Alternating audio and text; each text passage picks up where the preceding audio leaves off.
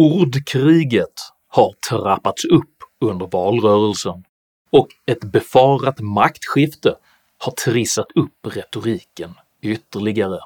Varför används så starka ord? Extremism eller till och med våld. Hur låter reaktionerna på valresultatet? Och vad händer med en demokrati där meningsmotståndare demoniseras istället för att bemötas? Dessa frågor tar jag upp i veckans videokrönika om “Maktens språk”. Jag har under hela detta år arbetat på en ny bok riktad till alla oss som är trötta på den politiska charaden, på de griniga maktspelen och på floskeltyngda utfästelser.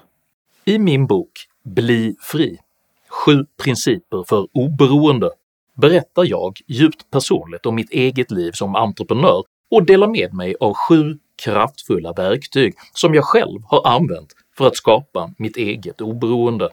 Boken är inte i första hand politisk utan praktisk, personlig och konkret och riktar sig till dig som vill få mer kontroll över ditt eget liv, oberoende av vilka politiker som för tillfället har makten. Du kan endast under denna vecka förbeställa en begränsad upplaga på 1000 exemplar av “Bli fri”. Du som förbeställer får boken signerad av mig och blir dessutom inbjuden till ett slutet “Ask me anything” videoseminarium där jag kommer att berätta mer om boken och även ta in feedback från er som tittar rörande dess färdigställande. Bli fri är mitt första steg mot att försöka vara förändringen som jag vill se i världen istället för att bara påpeka dess problem. Jag hoppas att ni vill följa med på denna frihetsresa. Länk för att beställa boken finns i videons beskrivning samt på henrikjonsson.com, så hugg ditt exemplar nu för om en halvtimme kan det vara för sent. Jag har även stora planer på att utveckla innehållet i denna kanal nu under hösten, vilket jag endast kan göra tack vare ert frivilliga stöd via betalningsalternativen här nedanför. Även ett litet stöd gör stor skillnad och hjälper mig att fortsätta detta arbete. Jag släpper som ni vet en aktuell ny frihetskrönika varenda lördagsmorgon klockan 08.00 så se till att prenumerera bli notifierad och att följa min Substack. Idag talar jag om ord, oro och om odemokratiska tendenser. Häng med!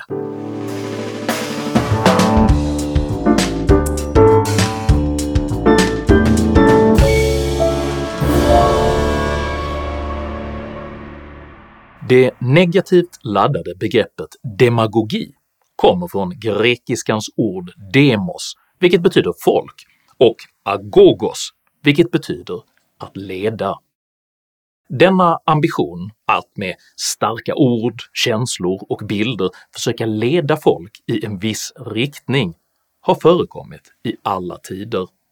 Under 400-talet före Kristus agiterade exempelvis den atenske generalen Kleon så skoningslöst för krig att pjäsförfattaren Aristofanes beskrev honom med följande ord. “Ni demagoger är som ålfiskare, i klart vatten fångar ni intet, men när ni grundligt rört upp dyn, då är fiskelyckan stor.” I modern tid anklagades den socialdemokratiske statsministern Olof Palme för att vara allt från drogberoende till en kommunistisk spion, och en Palmekritisk bonde lär vid ett emotionellt tillfälle till och med ha döpt alla sina svin till Olof.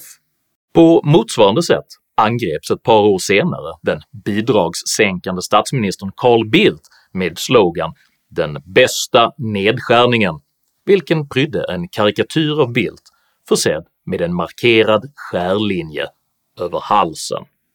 Man kan tycka vad man vill om den politiska historiens alla hatkampanjer, men vad som däremot är nytt för de senaste årens valrörelser är att även högt uppsatta ministrar och partiledare har tillämpat en uppviglande retorik som framställt oppositionen som demokratiskt illegitim.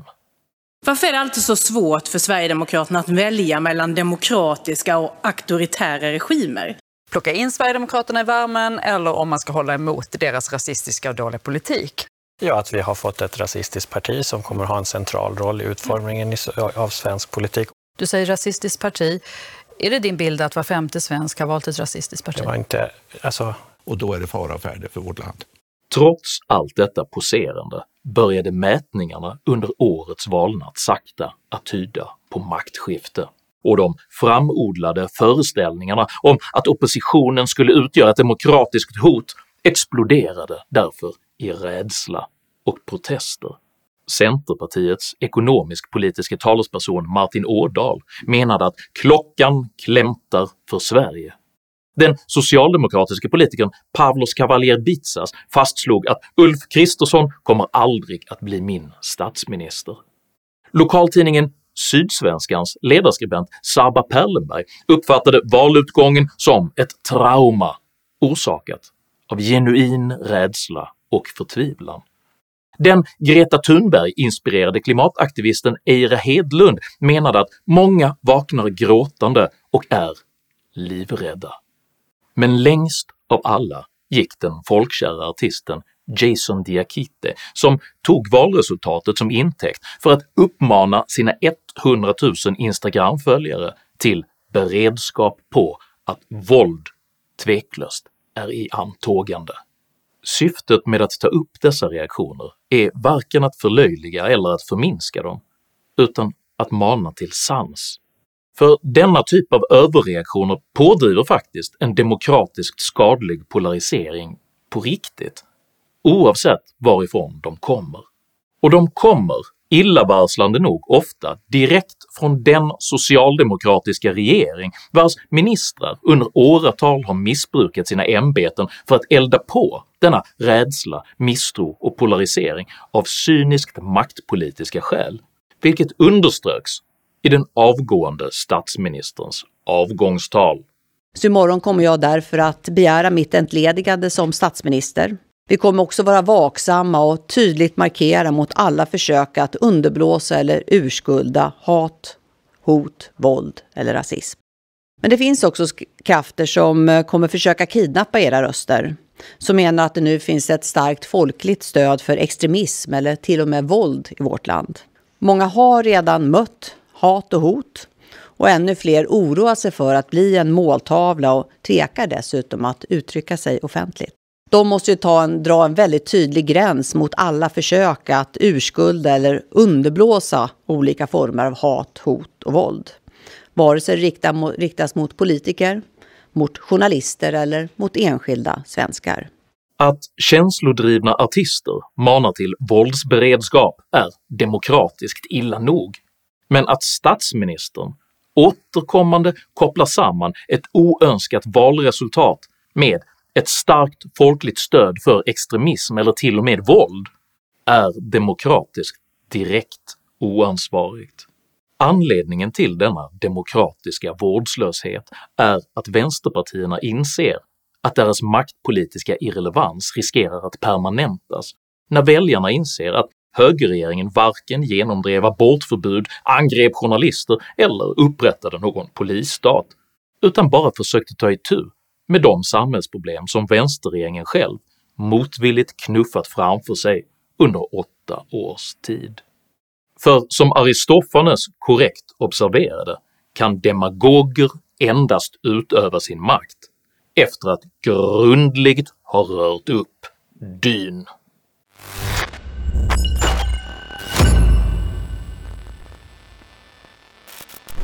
Det är rimligt att provoceras av sina meningsmotståndares ideologi, samhällsanalys och politik.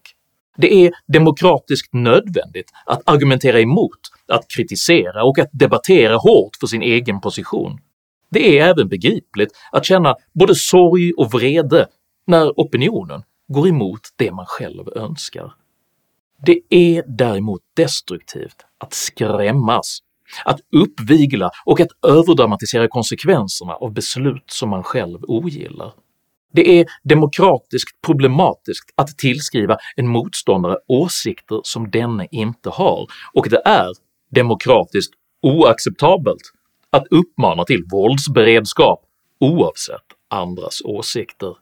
Och ja, det är beklämmande när representanter för Sveriges näst största parti segerhuset sluddrar fram illa dolda parafraseringar på vit makt-slogans. Helgseger! Det är en segerhelg för SD! Men inte ens denna vulgärestetik kan tas som intäkt för att en högerregering skulle hota demokratin, och gör det på inget sätt rimligt att uppmuntra till våldsberedskap, för tilltron till demokratin som institution måste transcendera subjektiv antipati gentemot både estetik, sakpolitik och ideal. Personligen är jag tämligen säker på att vänsterblockets idéer är destruktiva och bör därför bekämpas. Jag är samtidigt säker på att vänsterblocket vill Sverige väl och att dess företrädare helt enkelt bara gjort en diametralt annorlunda analys av hur samhället fungerar jämfört med den jag har gjort själv. Jag kan förstå vänsterns dröm om en stark och omfördelande stat, om gemensamt ägande och kollektivt demokratiskt ansvar för allt från ekonomi till ekologi. Jag tror bara inte att dessa idéer ger de positiva resultat som vänstern hoppas på.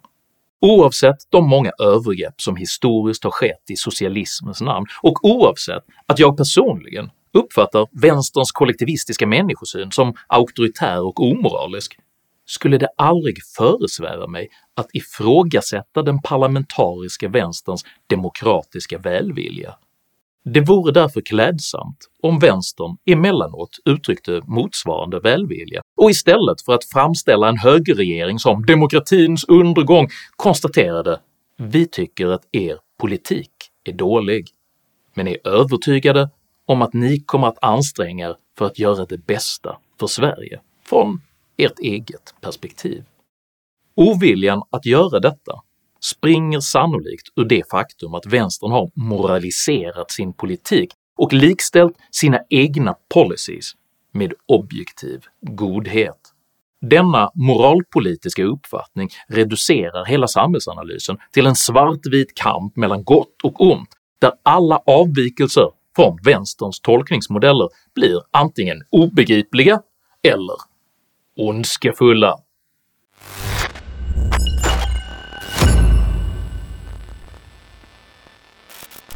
Med vänsterns monopoliserade godhet som utgångspunkt har man under decennier framhållit ungdomen som den samvetets röst politiken bör lyssna till. Ändlösa appeller har på just denna grund framförts för att ge “generation Greta” allt mer plats och inflytande i samhällsdebatten. Generation Greta! Eh, Generation Greta är ju rätt benämning. Det är det som Generation Greta kräver, det är det människor ute och demonstrerar för.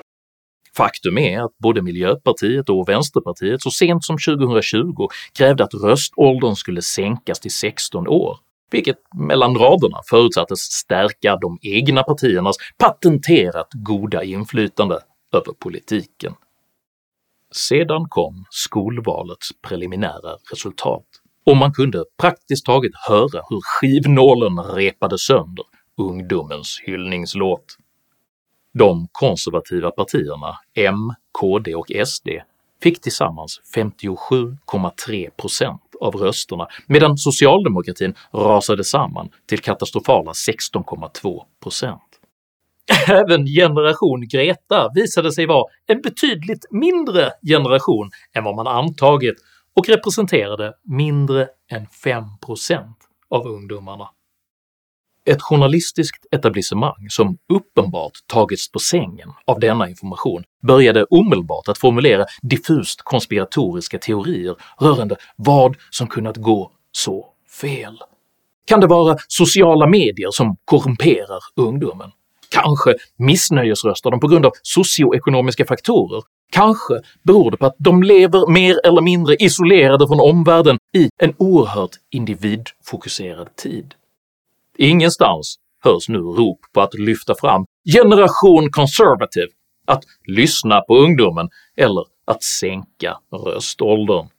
vänsterjournalisters benägenhet att bortförklara oönskade åsikter som ett resultat av olyckliga omständigheter eller illvillig manipulation korrelerar med det marxistiska begreppet “falskt medvetande”.